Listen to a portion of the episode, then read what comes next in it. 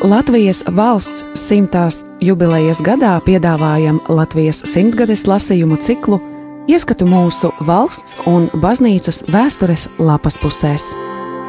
Julians Vaivots Septiņi mēneši liepājas cietoksnī. No 1944.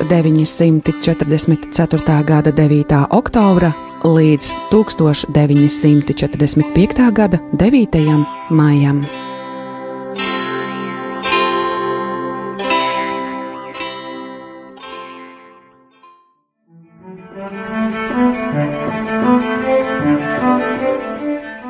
Tūkstoš 945. gada 2. martā Šodien laikraksti ziņo, ka piektā kurzemes kauja pagaidām izbeigusies.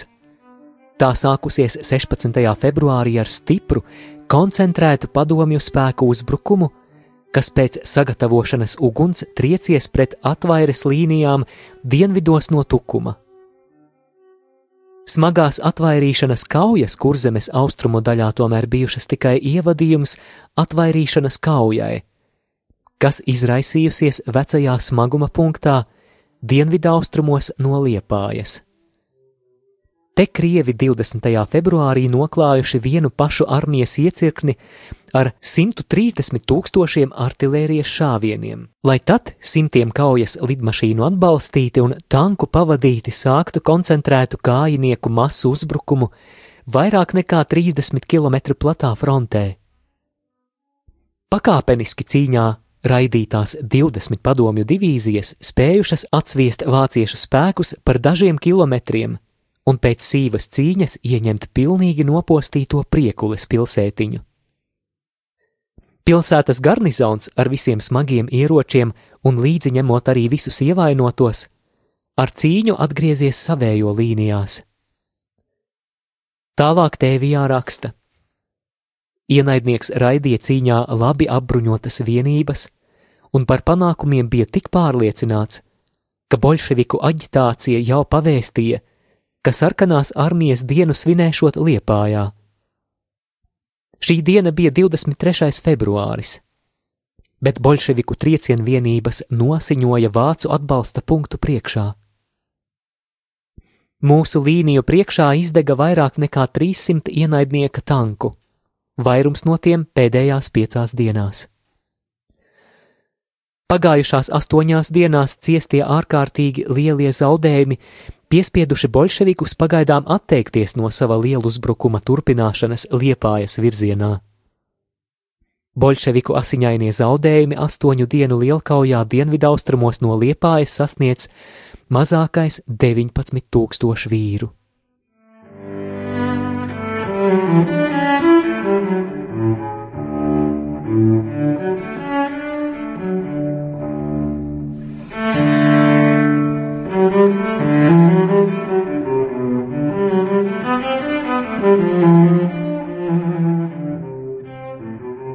Šīs kaujas laikā virs liepājas bieži parādījās krievu lidmašīnas.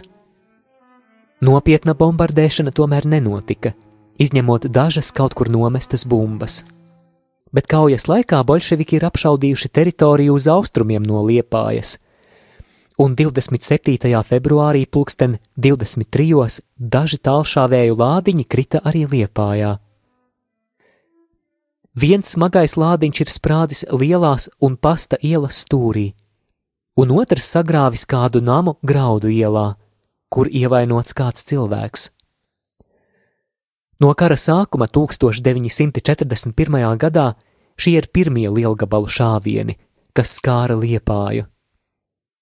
Cilvēki tiešām nobijušies, un nedod Dievs pievirzīties Krievu artilērijai šāviena attālumā no liepājas, Tad pārdzīvosim uztraukumu, kādā atrodas londonieši.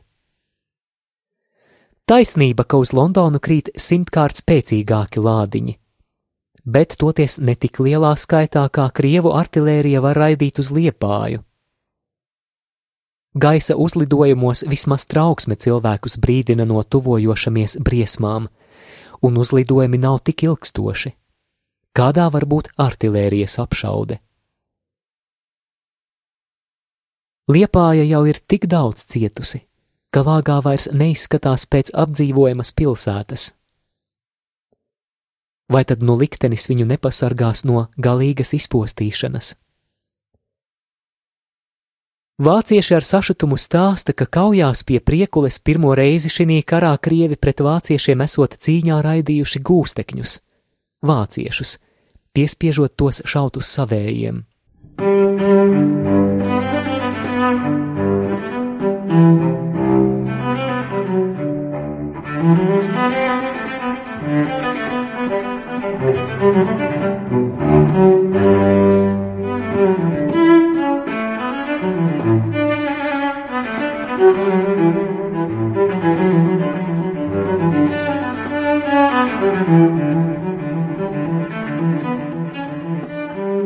Pēc vairākām pavasarīgām dienām, kad sniegs liepājas ielās gandrīz jau bija nozudis, pagājušajā naktī ziema uzsākusi savu laikam pēdējo ofensīvu.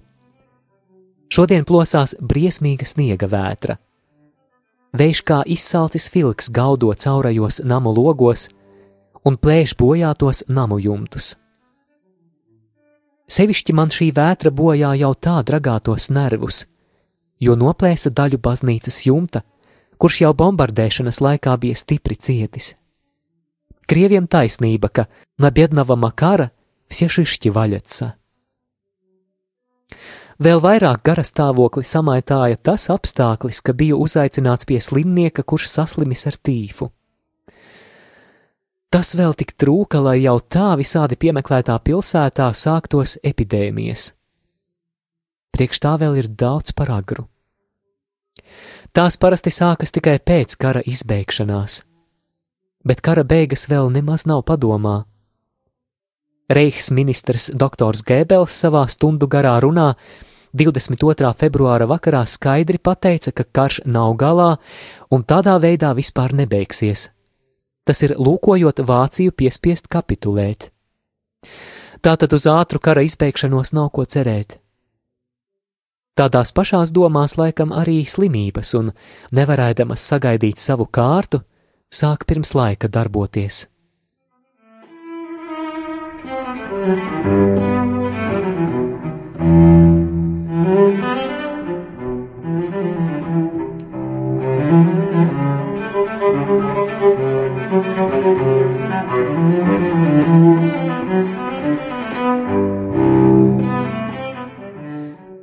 1945. gada 3. martā. Cik īstenība ir citādāka nekā iztēlotais ideāls, var spriest no sekojoša atgadījuma, kuru šīs dienās man atstāstīja viens vācu karavīrs. Kāds latviešu zēns iedomājies par katru cenu kļūt par karavīru, bet bijis vēl pārāk jauns, lai varētu būt uzņemts armijā tāpēc kaut kādā ceļā pārtaisīja savus dokumentus un tādā veidā kļuvis par diviem gadiem vecāks. Tagad vairs nav bijis šķēršļi viņa karavīra karjerai, un kā brīvprātīgais iestājies armijā. Nezinu, cik ilgi viņš ir atradies frontē, bet pa to laiku viņa sajūsma par karavīra dzīvi pārgājusi, un šī dzīve pat tik tālu apnikusi, ka kādu dienu spēris kļūmīgo soli pats sev sakropļojis kāju, lai tiktu no kara dienesta vaļā. Sakropļojums bijis tik bīstams, ka kāju vajadzējis amputēt. Bet ar to nelaime vēl nav beigusies. Priekšniecībai kļuvis viņa nedarbs zināms, un nabagam vajadzējis stāties kara tiesas priekšā. Pēc pastāvošiem noteikumiem nāves sots viņam bijis neizbēgams, bet šoreiz nelaimīgajam uzsmaidījusi laime. Tiesā noskaidrojies, ka brīvprātīgajam cīnītājam 17 gadu un 4 mēnešu vietā, kā dokumentos skaitījies, nesot patiesībā vēl pilni 16 gadi. Šis apstākļis glāba jaunā karavīra dzīvību, jo jaunākus par 16 gadiem uz nāvi nevarot notiesāt. Tāpēc viņam piespriesti 5 gadi cietumā, Minētais sots nabagam bijis tāds prieks, ka aizmirsis pat savu kroplību. Kamēr piecus gadus nosēdēs cietumā, karš jau būs beidzies un kā kroplis ar vienu kāju, vispār vairs nevarēs tikt kara dienestā iesaukts. Dokumentus gan varēja viltot un bez laika iekļūt zaldātos, bet iztrūkstošo kāju tik veikli viltot nevarēs, lai iesaukšanas komisija to neatklātu. Šim nu reizi uz visiem laikiem no karavīra mundiera jāatsakās. Jādomā, ka to viņš šodien arī nožēlo.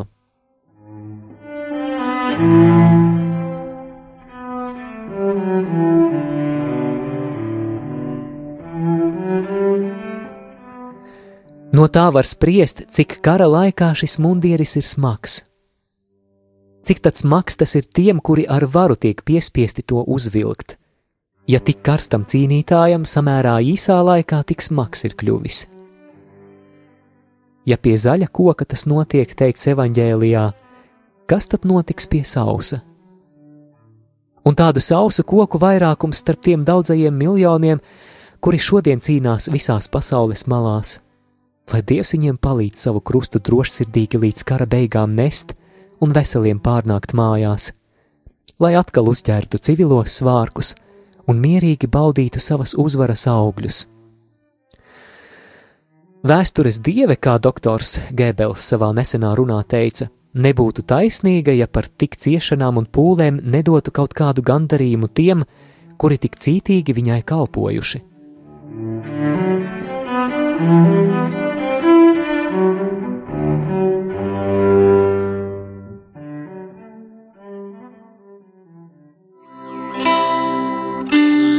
Radio Marija Latvija ēterā Latvijas simtgadēji veltīti lasījumi. Julians Vaivots Septiņi mēneši Liepājas cietoksnī. No 1944. gada 9. oktobra līdz 1945. gada 9. maijam.